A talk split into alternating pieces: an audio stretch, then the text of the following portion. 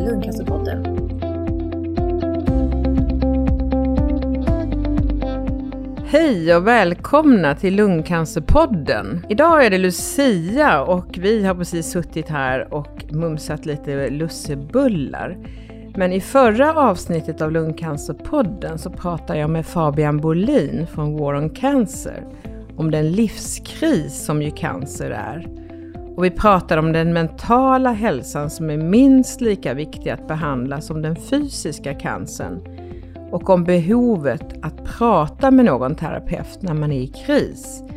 Därför har jag tagit hjälp av en psykoterapeut och specialist inom traumabehandling för att prata vidare om detta viktiga ämne. Så välkommen hit Christer Bjelke. Tack. Och jag kan tillägga att ni lyssnare har hjälpt till med frågor som ni har skrivit på våra Facebook och Instagram-sidor. Så stort tack! Men jag börjar med att fråga dig Christer, vem är du och vad har du för erfarenhet av just traumabehandling? Ja, jag är eh, socionom i min grundutbildning, sen legitimerad psykoterapeut. Man brukar ibland prata om det inriktningen i psykoterapiexamen, men jag är psykodynamiker och familjeterapeut. Ja, och min erfarenhet, jag började min yrkesbana någonstans i slutet av 80-talet. Och det här med kris och eh, traumauppföljningar och sånt arbete, det har funnits med i princip hela mitt yrkesverksamma liv. Kan du beskriva lite eh, vilken typ av trauman du har jobbat med? Ja, under hela 90-talet jobbade jag inom barn och ungdomspsykiatrin och då var jag med i en krisgrupp där på det sjukhuset. Och då var det ju när barn var inblandade, ungdomar var inblandade, i svåra händelser, dödsfall, sjukdomar, ja, allt man kan tänka sig. Och så har det bara fortsatt och jag har jobbat med vuxna också, såklart. Mm. Och eh, just cancer, vad har du stött mm. på där? Ja, det stöter jag på ofta på det sättet att antingen att eh, jag möter människor som har fått ett sjukdomsbesked, står inför provtagning, man är rädd på det sättet för vad som kan komma. Men sen också har jag jobbat åt, eh, innan man hade kuratorer på eh, LAH-vården i Norrköping då, vård i livets slutskede och när barn var inblandat, anhöriga framför allt då. Mm. Är det någon skillnad på kris och trauma enligt dig, eller chock och trauma? Mm. Själva krisen det är ju den, där, den händelsen eh, som när det händer, eh, alltså en svår incident, en svår händelse. Det är själva eh, krisögonblicket. Sen blir du traumatiserad, det är det mentala såret eh, man får efter en svår händelse. Och det är den man behöver bearbeta bara för att det inte det ska bli så djupt och, och, och, och bli livsomfattande och följa vidare genom livet. Kan en, ett trauma sitta i eh, flera år? Ja, det kan sitta i hela livet. Okay. Och det är behandlingsbart. Ja, det är det vi ska komma till. Ja. Men om man nu får ett sjukdomsbesked mm. om en livshotande cancer, kan det liknas vid att råka ut för en svår olycka eller något annat traumatiskt? Ja, absolut. Det är ju ett, det är ju ett konkret dödshot man står inför och det är en total kontrollförlust också, att man blir helt blockerad inuti. Många saker inuti, men det är absolut en traumatisk eh, kris, en traumatiserande kris. Vad är det som händer i psyket? Vad är det som slår till?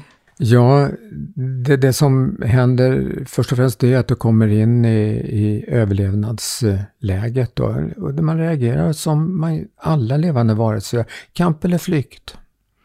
Eh, det är de primära reaktionerna vi får. Då. Men det som händer rent vad som säga, neurologiskt är att vår högra sida i, i hjärnan då, den är på för fullt och där har du känslorna. Och vår vänstra sida, den är nästan inaktiv och där har du mer sådana här talfunktioner, det kognitiva, logiken och, och de delarna. Det blockeras. Så att du blir väldigt, vad ska jag säga, paralyserad på det sättet. Man kan inte skrika på hjälp till exempel om man blir hotad eller man blir, man blir stum. Men hur kan man eh, komma ur det mest akuta mm. tillståndet? vid själva den dagen man får ett svårt besked eller blir hotad, då går det inte att göra så mycket mer än att man behöver hjälp med att, alltså konkret få hjälp med, vad är det som har hänt? Och sen kan man börja bearbeta de känslomässiga delarna, alltså sätta ord på eh, vad det var som hände igår eller när, när jag mm. fick det här beskedet. När jag blev hotad eller vad det kan ha varit. Kanske bara genom att få reda på att nu är du i det ja. traumatiska tillståndet så att man kanske kan lugna ner sig lite. Ja, det lugnar ner om man får en konkret bild. Vad handlar det här om? Mm. När jag pratade med Fabian Bolin om detta så sa han att upp mot 50% drabbas av ett psykiskt tillstånd när man får cancer och hälften av dem drabbas av PTS, alltså posttraumatisk stress, och hälften av depression. Och det är ju jättejobbigt att eh, hamna i en psykisk stress samtidigt som man håller på med en cancerbehandling. Och ja, man kanske inte får någon hjälp ens på sjukhuset. Men vad är PTS och hur behandlar man det? PTS, det är posttraumatiskt stresssyndrom heter själva diagnosen. Man har sett också i forskning, det är länge sedan jag såg det, men någonstans till och med upp till 90 procent av alla patienter inom psykiatrin har varit med om en traumatiserande händelse. Så det kan vara en av förklaringarna till psykisk ohälsa överlag faktiskt. Och det här är ingenting man eh, så att säga, räknar med på det sättet, men att någonstans har man med sig svåra saker i sin bakgrund som kan ge uttryck på olika sätt. Efter en månad, efter en svår händelse, så bör man se tecken på det. Att man reagerar ju på olika sätt vid en svår händelse och de här mentala såren som blir, de ska avklinga eller bli mildare under i alla fall den första veckan. Men sen ska det mer och mer alltså, tona ner och det kan ju vara rädsla, det kan vara mardrömmar, bilder som kommer tillbaka.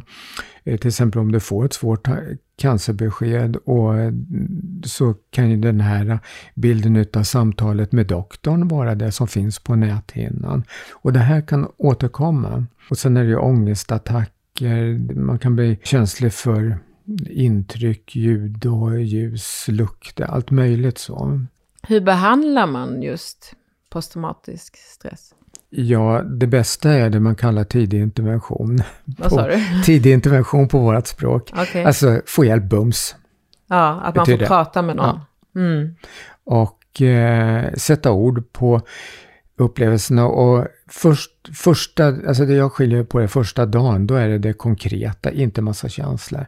Utan när man har so fått sova på saken, då behöver man hjälp med att prata, vad innebär det här? Det. Eh, att få ord på rädslorna, ännu mer om frågetecknen, osäkerheten, vad kommer det här att innebära för mm. mig, för mitt liv? V vad, vad är det? Alltså, för det händer ju mycket inuti, det behöver man få hjälp med väldigt omgående kanske man inte får ställa de här frågorna till sin doktor. Han har inte tid, eller hon. Nej, det är ju ofta så tyvärr. Så att det är väldigt mycket det man hamnar i, ett ja. Eh, dilemma att man har massa frågor men man vet inte vem man ska ställa dem till. Ja. Fabian tyckte dessutom att man borde få en egen vårdplan för behandling av den mentala hälsan och inte bara den fysiska cancern.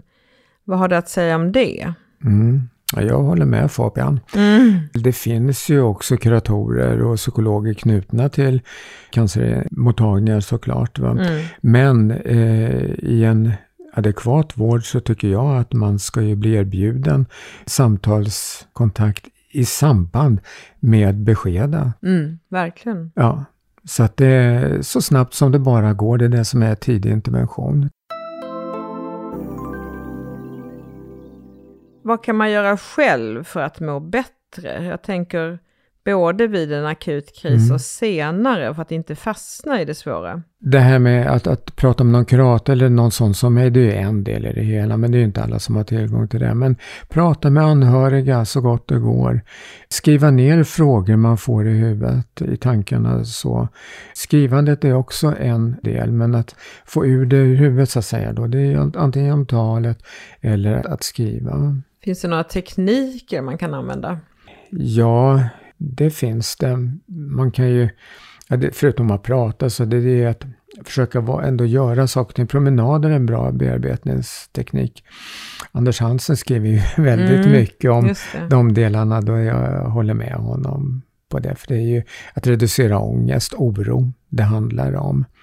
Men sen finns det ju tekniker, man kan kalla det för stabiliseringstekniker. Och, men det är ju mer att lugna ner systemet inuti. Hur gör man då? Det kan man göra framförallt om man börjar närma sig PTSD eller har utvecklat det.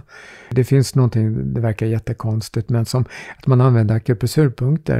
Mm. Det, på engelska thoughtful eh, therapy eller emotional freedom technique. Alltså det är ju, man, man knackar på olika punkter på handen, i ansiktet och, och på kroppen och sen återupprepar som en affirmation för sig själv. Antingen uttalat eller i, i tanken samtidigt som man knackar och sen tar djupa andetag.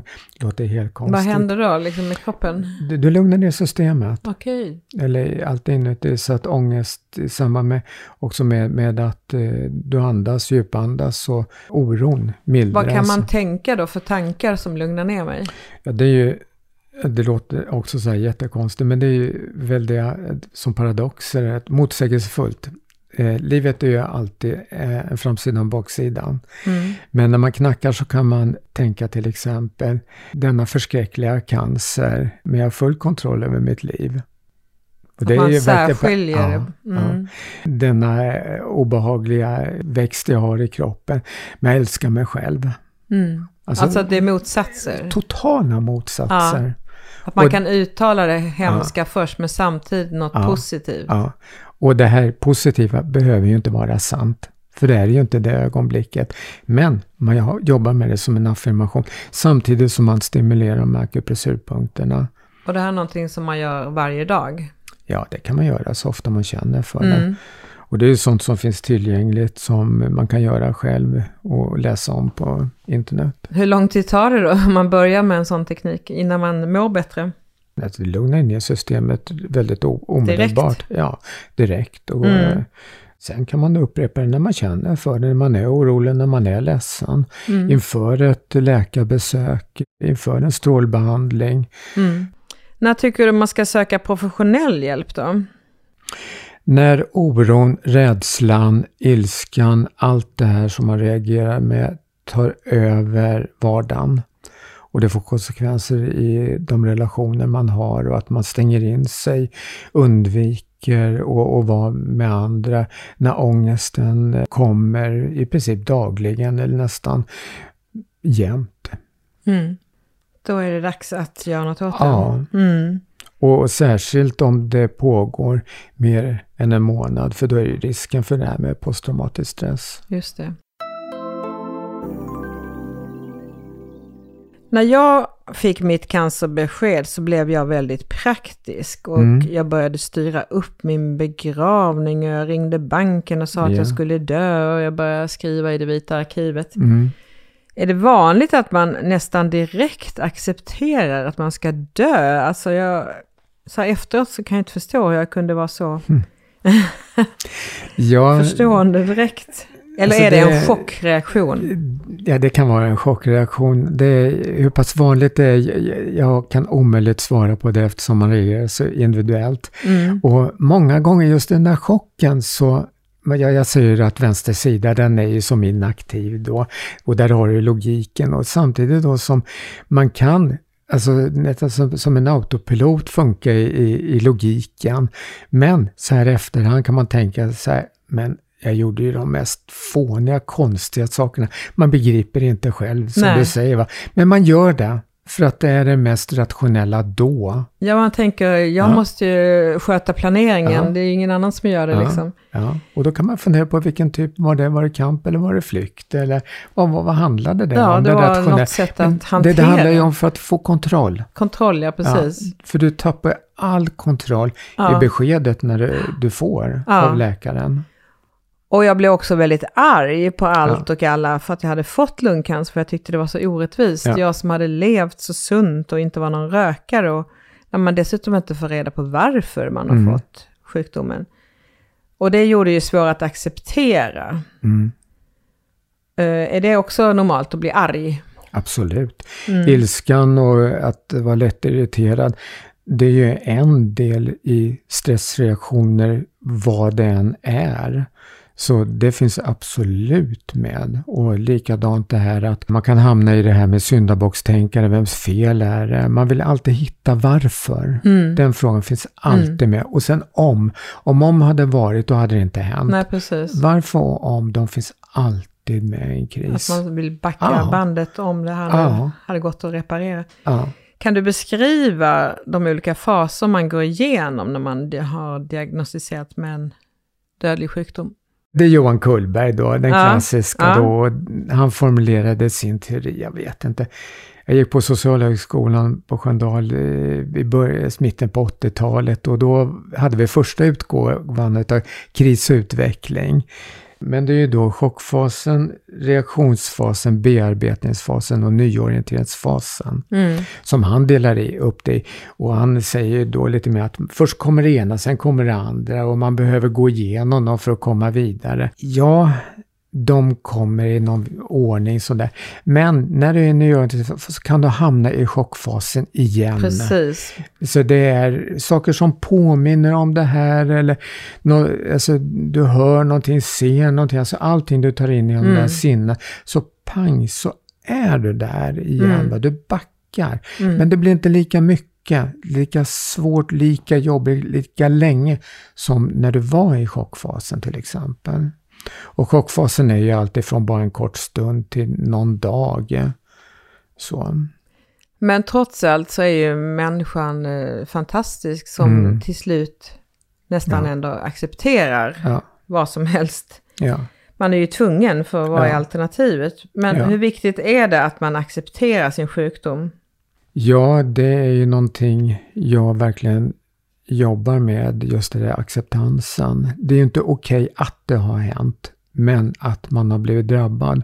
För att få, alltså det, det handlar om att lugna så mycket inuti systemet, som man kallar det för, eh, i kroppen. Att eh, hitta en hanterbarhet så gott det går. Är man inne i det att inte acceptera, då är det ju som om man är i ett pågående traumatiserande händelse hela tiden. Det handlar om att få lugn, att få själva beskedet bakom sig och hur ska jag hantera det? För att det ska ändå bli så bra som möjligt.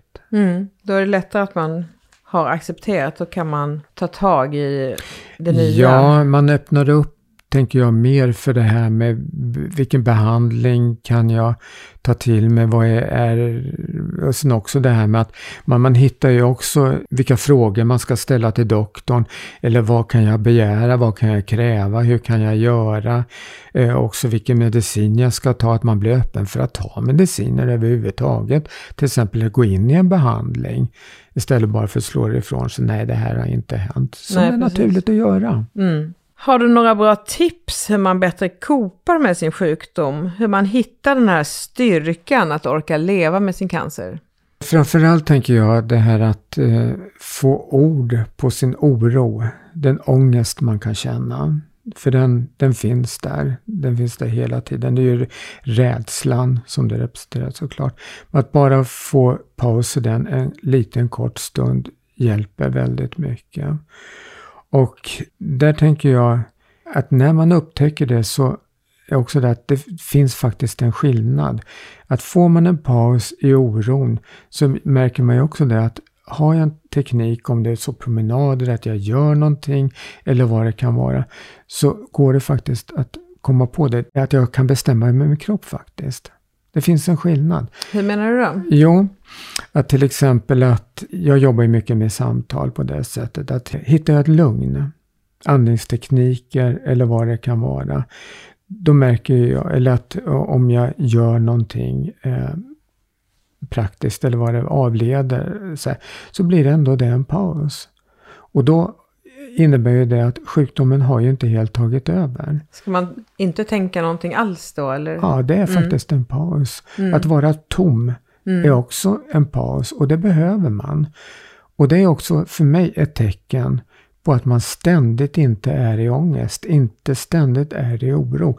Alltså, om jag kan göra någonting så kan jag faktiskt påverka mitt psyke på det sättet att jag kan faktiskt bestämma över oron lite grann. Det låter paradoxalt, men det, det är det här jag jobbar mm. med. Va? Det är paradoxerna på det sättet. Men det är väl lite det man är ute efter, att kunna ja. ta kontroll ja. över sin situation och inte bara låta ångesten rusa iväg. Ja, och sen gillar jag det här begreppet känsla av sammanhang, mm. KASAM som det benämns då. Och det är lärandet om eh, friskfaktorer då, det salutogena som det kallas för. Och det är tre begrepp i det. Att hitta en begriplighet och det är att få information om sjukdomen om progressen, alltså vad det är som händer och de där sakerna. Det är att ta en, den tankemässiga kontrollen. Det tänker jag det är ett sätt att kopa över det hela.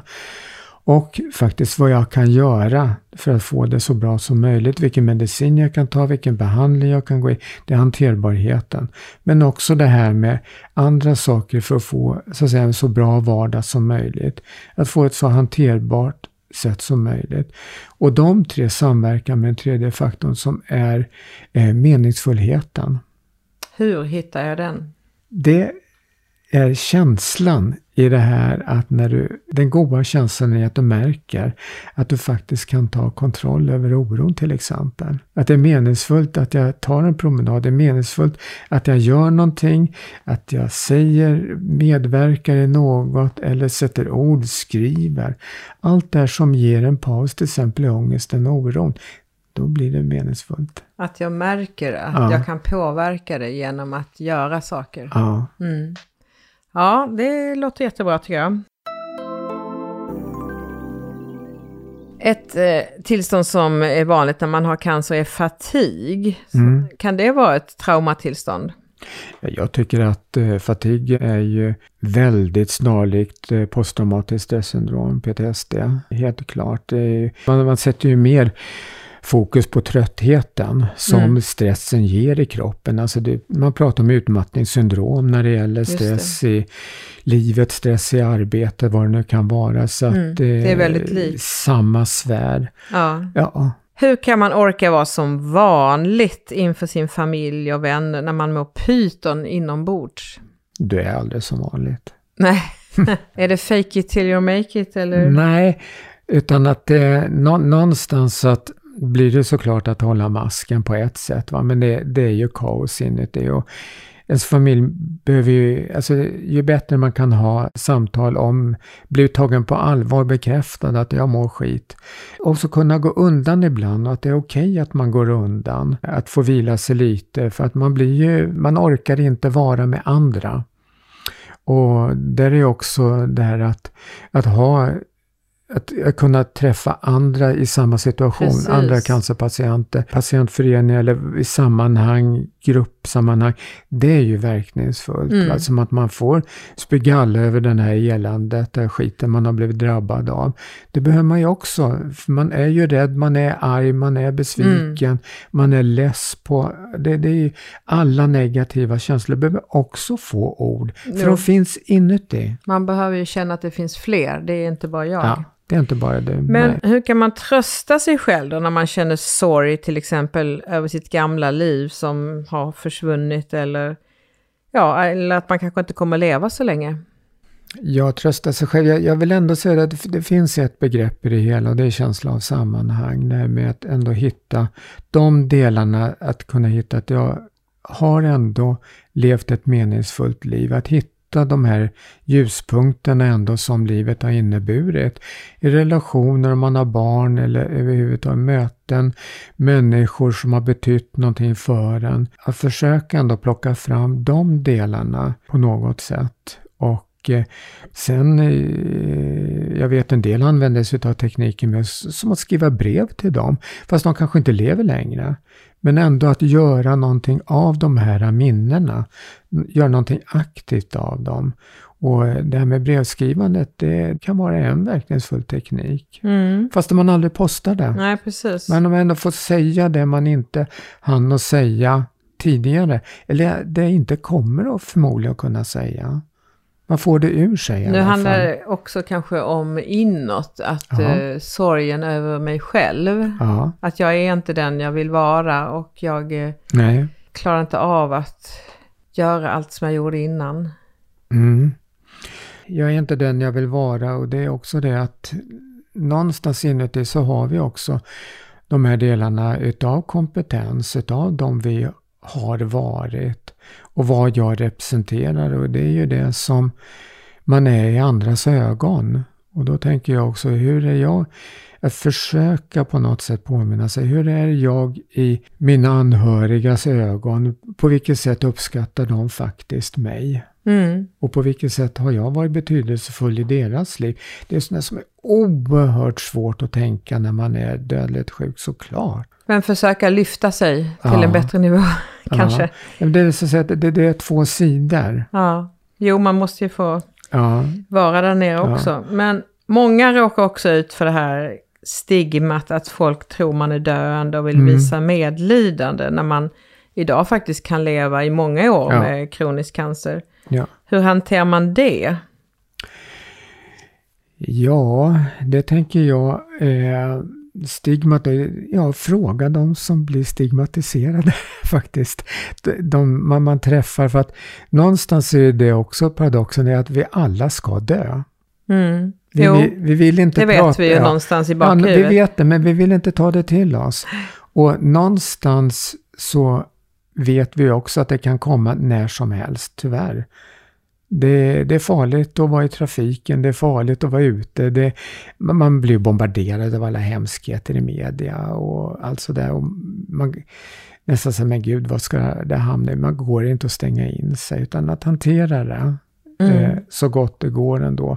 Men att prata om saker och ting, att eh, döden är ju existentiellt och existentiella frågor pratar vi kanske inte så ofta om. Men vi är otränade att prata om de här svåra Men sen frågorna. tror jag också att man kan känna att jag vill bli behandlad som en vanlig människa. Såklart. Inte som en som har cancer. Nej, du är, det är ju, viktigt för mig. Ja, du Mm. är ju den vanliga människa du alltid har varit. Ja, Men du har fått en, en obotlig sjukdom. precis. Eller obotligt, den det beror på alltså, hur medicinen fungerar och allting. Men du är fortfarande Ragnhild. Mm, det är det jag tycker är viktigt att Ja. lyfta. Ja. Hur ska man då hantera sina närstående som är ledsna? Ska man trösta dem eller ska man tänka att var och en får ta hand om sig själv? Jag tänker där är också är samtalet att märker du att någon annan blir ledsen i din närhet som du pratar om, så prata om det. Jag ser att du blir ledsen, vad händer med dig? Och sen är ett samtal igång. Mm. Och att det är ju, att det handlar inte om att du ska ta hand om, att du ska trösta, utan ni är ju två personer i samma situation, att det här är svårt. Men har ju helt olika ingångar i det hela, vad man säger, helt olika dimensioner i det hela. Men det är svårt för er båda. Mm. Det är en kris för er båda som ni delar faktiskt. Den närstående kan ju också behöva ha en egen kontakt med någon Ja, då. terapeut och så. Absolut. Om vi då går in lite på hopp och tacksamhet. Mm. När man får negativa besked är det ju viktigt att inte ge upp. Att fortsätta planera för sin framtid och inte bara tro att det är ingen idé att jag gör något och så. Men vad händer om man skulle förtränga sjukdomen och bara låtsas att man inte är sjuk? Kanske inte berätta för så många. Vad händer med hjärnan då? Jag hamnar i rent vad, vad som händer medicinskt eh, på det sättet. För att någonstans förträngandet, eh, jag jobbar ju med det på ett sätt att sätta ord på saker och ting.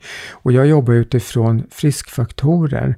Att jag vill se det på den andra sidan, att sätta ord på det, acceptera det, kan också, tänker jag, nu har inte jag den medicinska bakgrunden eller den forskningen hos mig på det sättet. Men eh, de friskgivande faktorerna är ju, tänker jag, va, kan bromsa ett sjukdomsskede. Men också faktiskt att man kan tillfriskna. Det så kallade under har skett. Va? Man vet inte. Människan som du säger Ragnhild, det är ju att vi är ju så oerhört komplexa. Och kroppen vill överleva. Vi är ju skapta att överleva. Och, och det är också det att, att, att få fart på det här läkandets krafter, i alla fall bromsandets krafter. Så du menar att man kan vara glad och eh, låtsas att man inte är sjuk? Är det positivt? Man kan vara glad men man, man behöver inte låtsas att man är sjuk, för det är man. Glad är också en reaktion i kroppen, en av faktiskt våra affekter. Det är inte bara arg som en affekt. Glädje, nyfikenhet, det är också en naturlig känsla i kroppen. Den finns där, hur man än gör. Men vad har du för råd att ge när man har tappat hoppet? Att man inte kommer leva så länge? Ja, det är också igen det här att då tänker jag att då, då kan man ju verkligen behöva samtalsstöd på det sättet med till exempel eh, psykoterapeut eller med någon som vet vad det handlar om. Där man kan prata förutsättningslöst, där man kan prata utan att bli bedömd, diagnostiserad eller så här. Alltså helt kravlöst. Och prata med någon som orkar lyssna, vågar följa med dig in i dina allra mörkaste vrår. Så att du får ord på dem. För de vrårna finns och mm. det är mm. de man aldrig släpper fram. Framförallt inte till anhöriga för att inte göra dem oroliga. Nej, men det är viktigt att man vågar ja, gå in i mörkret. Ja, och det mörkret går att få ord på. Och jag har ju mött så många som säger, men då kommer jag bryta ihop, alltså rädslan för att bryta ihop. Men det gör du inte. Det kan vara obehagligt att sätta ord på alla mörka känslor, men du bryter inte ihop. Faktiskt så kan det vara en lättnad. Då hjälper det mig att gå vidare. Ja. Mm. Något som det pratas mycket om är att känna tacksamhet och att vara positiv trots sin sjukdom. Hur hjälper det mig att vara tacksam? Och tror du att man kan förlänga livet genom att tänka positivt? Jag jobbar ju på det sättet med paradoxer som du har hört. Mm. Det finns en paradox i det hela, till exempel, den kommer jag att tänka på nu. Och det här låter också så främmande som det bara någonsin går. Men till exempel i ett tillfrisknande, i att sjukdomen ändå har kanske bromsats eller på det sättet. Så tacksamhet är ju så komplext. Men också där finns den paradoxen att man kan i tanken säga det att hur ska du kunna tacka cancern för att du har så framgångsrikt liv som du bara har just nu? Alltså det är en paradox. Du ställer allting på ända. Ja.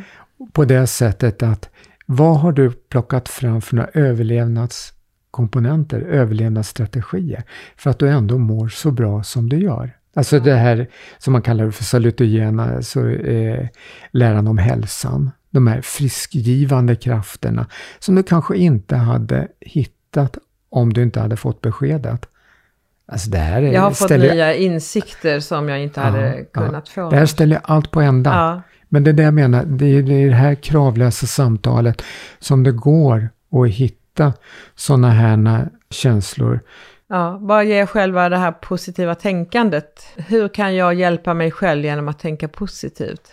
Ja, det är ju lite grann i de här affirmationerna eh, som man kallar det för, till exempel i det här med när du med akupressurpunkterna, tänka det positiva och det negativa, den stimulansen. Men också det, ja, det är så svårt att, att inte det ska övergå i ironi på ett mm. sätt också, för det, det är så snubblande nära att ja, ja. Mm. Eh, men också det att en bra paus det är ju till exempel att, alltså, det jag håller med Anders Hansson om, det är alltså promenadens faktiskt magi på något sätt. Att när du går, du använder kroppen, du får igång blodcirkulationen, du får andra intryck att tänka, lyssna på musik eller på någon podd eller någon mm. ljudbok eller någonting. Det blir någonting. Det blir ett avbrott. Ja. ja. Och, eller skapandet med händerna eller vad du gör. Va? Att få de här avbrotten, det, det, det kan man väl på ett sätt kalla jag för att tänka positivt. Är det viktigt att också försöka ta tag i sitt liv och kanske sortera bort saker, människor man inte gillar och ta tag i sånt man vill hinna med? Ja, det här är också en svår fråga eh, på det sättet att man kan ju få lite lätt skuld också att man väljer bort andra men någonstans så är vi också omgivna av människor som är tärande. Som, för mig är det viktigt att hitta samspelet, att hitta människor man är trygg med, man kan lita på, att man har ett givande och tagande att också att givantagandet när man är till exempel vill prata om sin cancersjukdom, det är att ha någon som lyssnar. Man behöver inte prestera, alltså som lyssnare, att ge goda råd eller tips, så här kan du göra. Utan bara lyssnande till sig. Precis. Det är ett givande till dig som vill prata. För att, för att kunna prata behöver man ju en lyssnare. Det är alltid mm. Ett givande och tagande. Mm. Man ger av sin tid. Ja, bara närvaron. Ett empatiskt lyssnande, bara närvaro. Det hjälper ofantligt mycket. när man är cancersjuk så har man ju mycket oro och rädsla som vi var inne på förut. Och eh, det kan vara hur behandlingen ska fungera, om jag får återfall och rädslan för döden då. Mm. Har du några råd att ge hur man kan hantera just oro? Det är att eh, sätta ord på det också. Oro, jag tänker säga oron och rädslan hör ju intimt samman. Och det finns alltid, man har ju alltid en rädd inuti. Mm. Man blir liten. Blir, den finns där hur man än gör. Och vad har den rädda lilla mm. säga? Mm. På något sätt. Va? Fram med det ljuset. Det är lite och, att ta hand om sitt barn. Liksom. Ja, mm. oro trivs i mörka vrån. Släpp fram det ljuset. Ja. på något sätt. För att, det, det, blir också ett inre avdramatiserande på något sätt. Man blir inte botad eller på det sättet. Men det blir lugnare inuti. Hur mycket tycker du man kan dela med sin omgivning? Och vad tror du att de anhöriga, hur mycket kan de dela med de drabbade? För att man känner ju den här oron för att nu tar det för mycket av deras tid, att jag är sjuk, man får lite skuldkänslor och så. Ja, på ett sätt så, jag vill ju tro ändå någonstans att man kan dela mer än vad man tror. Bara för att är man sjuk så vill jag ju inte jag belasta de andra, de anhöriga. Och är jag anhörig så hamnar man i känslan av att åh, kunde jag ha gjort något mer? Just det. Skulden, mm. att inte ha funnits där. Så det är ömsesidigt på något sätt. Så därför att prata, det är därför jag säger att man kan nog prata mer än vad man tror. Mm.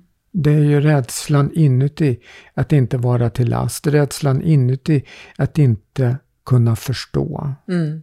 Ja, vi har varit inne på döden också, men ja. att våga prata om döden är ju väldigt viktigt, mm. även om man är mitt i livet. För sen när man hamnar i vården så kanske det inte finns den där möjligheten att hinna med och prata om döden. Det kanske inte passar eller...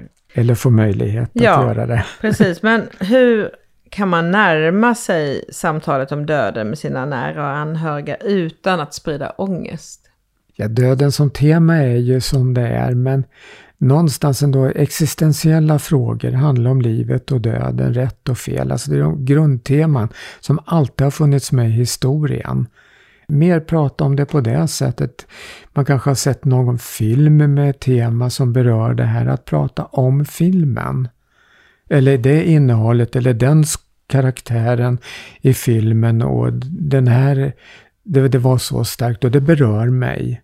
Och det berör mig lika mycket som vårat sammanhang. Kan man då föra det vidare ja. in på just mitt Ja, det, det, det, ja men det, det blir ju paralleller ja. såklart. Är det viktigt att prata om just det där praktiska som ska hända? Hur begravningen ska gå till och vilka saker som ska delas? Alltså, jag vet inte för vems skull det är viktigt. Är det viktigare för mig eller för de anhöriga? För allas skull tänker jag. Det är därför vi har Vita arkivet. Nej men det, det, är viktigt att prata om de här delarna fastän det är obehagligt. För som sagt var, någonstans kommer vi alltid att, vi kommer hamna där. Och eh, att, eh, som man tänker att det är ju ens föräldrar som dör före mig som barn och allting sådär. Men det kan ju hända barnen också någonting. Så att det här är så oerhört svåra frågor. Och det är klart man inte pratar om det här varje dag Nej. eller varje mm. middag på något sätt. Va? Men när det berör och särskilt om det blir aktuellt, varför inte? Men du som traumaspecialist, vad tycker du att vården bör innehålla vid det trauma som livets slutskede innebär? Vad behövs för att minska lidandet för cancerpatienter? Ja, det är som jag sa redan i början, att bli erbjuden samtal i samband med ett cancerbesked till exempel. Men jag tänker så här, ett holistiskt synsätt, ett helhetstänkande. Jag är väldigt mycket för tvärprofessionella team. Att man har eh, behandlingsteam utifrån olika professioner. Läkare, psykolog, terapeut, arbetsterapeut, sjukgymnast, eh, alltså sjuksköterska. Alla de här. Och att det teamet är samspelta i att det handlar om hela människan. Mm. Att ha, det är det jag menar med holistiskt synsätt. Mm. Att det handlar om hela människan. Alla delar. Både psyke och soma. Man kan ju ha en väldig oro över att man ska till exempel kvävas. Ja. I sin lungcancer. Sådana ja. saker. Ja. Och då behöver ju då jag har ju samarbetat med läkare så många gånger och det har ju varit nödvändigt.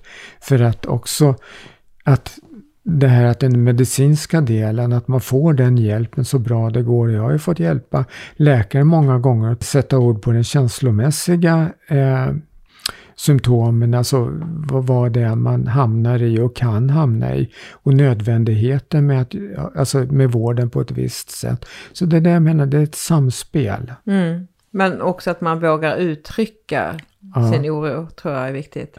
Ja. Och, så att eh, de förstår att jag behöver hjälp. Ja, och det är det jag menar att min roll då i ett tvärprofessionellt team det är att jag uttrycker patientens oro till doktorn. Mm. Så att den, den som behöver vården inte behöver be om hjälp själv, utan blir erbjuden. Det. Att det tas för givet att jag kan reagera på ett sätt. I alla fall få frågan, hur är det nu? Mm. Är det på det här sättet? Ja, vad skönt att du frågar. Så att man föregriper. Men hur viktigt är det att man har ett sammanhang? Att man har en partner och familj och vänner som kan stötta när man har ett trauma? Oerhört viktigt. Det är ju det mest grundläggande. För är du livrädd, är du rädd, tappar du kontrollen, det är klart du behöver ett sammanhang som du känner att du kan vila i, vara trygg i. För när jag jobbar med, med traumabandet till exempel, jag frågar ju alltid bland det första jag gör, var har du din trygga plats? Ofta är den hemma, antingen vid köksbordet eller sängen. Mm. Det är de vanligaste platserna. Men trygg plats, det behöver man. Ett tryggt sammanhang. Och är man ensam, vad gör man då? Det går att hitta eh, ställen då också. Om det är så en fysisk plats eller om det är ett sammanhang. Eller faktiskt någon plats inuti dig själv. Det kan vara väldigt, väldigt svårt att hitta det. Men det, det, det går. Och vi var inne på det här med att hitta likasinnade, till exempel i en patientförening, och där har vi ju Lungcancerföreningen. Där man kan få igenkänning och dela mm. det svåra med ja. någon som faktiskt förstår och har varit med om samma sak. Det tycker jag har varit oerhört ja. berikande. Ja. Är det något annat du skulle vilja tillägga som kan hjälpa den som har fått ett trauma? Jag vill ju ändå förmedla att det finns alltid någon form av att kunna hitta lugn. Hopp är ett annat ord som också, ja vad kan man hitta för något hopp? Men hoppet är ju ändå det sista som lämnar oss ja. som, på det sättet att ändå hitta det, fastän det är mikroskopiskt litet, det här känsla av ändå trygghet, känsla av lugn framför allt. Och vad Någonstans. är det man kan gripa efter då, det minsta lilla? Det är så svårt att säga bara så här rakt upp och ner, utan det där, i samtal så hittar man de här delarna. En dag i taget. Ja, det är ju att, att vara i här och nu såklart. Mm. Att det går inte att göra någonting annat, utan livet är ju bara ett enda nu. Mm. Sen att blicka framåt är ju väldigt svårt och sen att ta tillvara på vad som har varit då. Det är både bra och dåliga erfarenheter, men visst nuet. Och det är det jag menar med lugnet. Att hitta det lugnet just nu så gott det går. Ja, stort tack Christer för din medverkan och för dina svar om trauman. Mm. Ja. Tack för att du kom. Detta Tack. är sista avsnittet för i år och jag vill passa på att önska er alla en god jul och på återhörande nästa år. Och har du kommentarer på det här avsnittet eller förslag på nya så får du gärna mejla mig på fransen@fartreklam.se eller gå in på www.lungcancerpodden.se. Och tack till Taylor också för denna gångens inspelning och klipp. Hej då Christer och alla lyssnare! Hej hej! Hej hej! ho ho!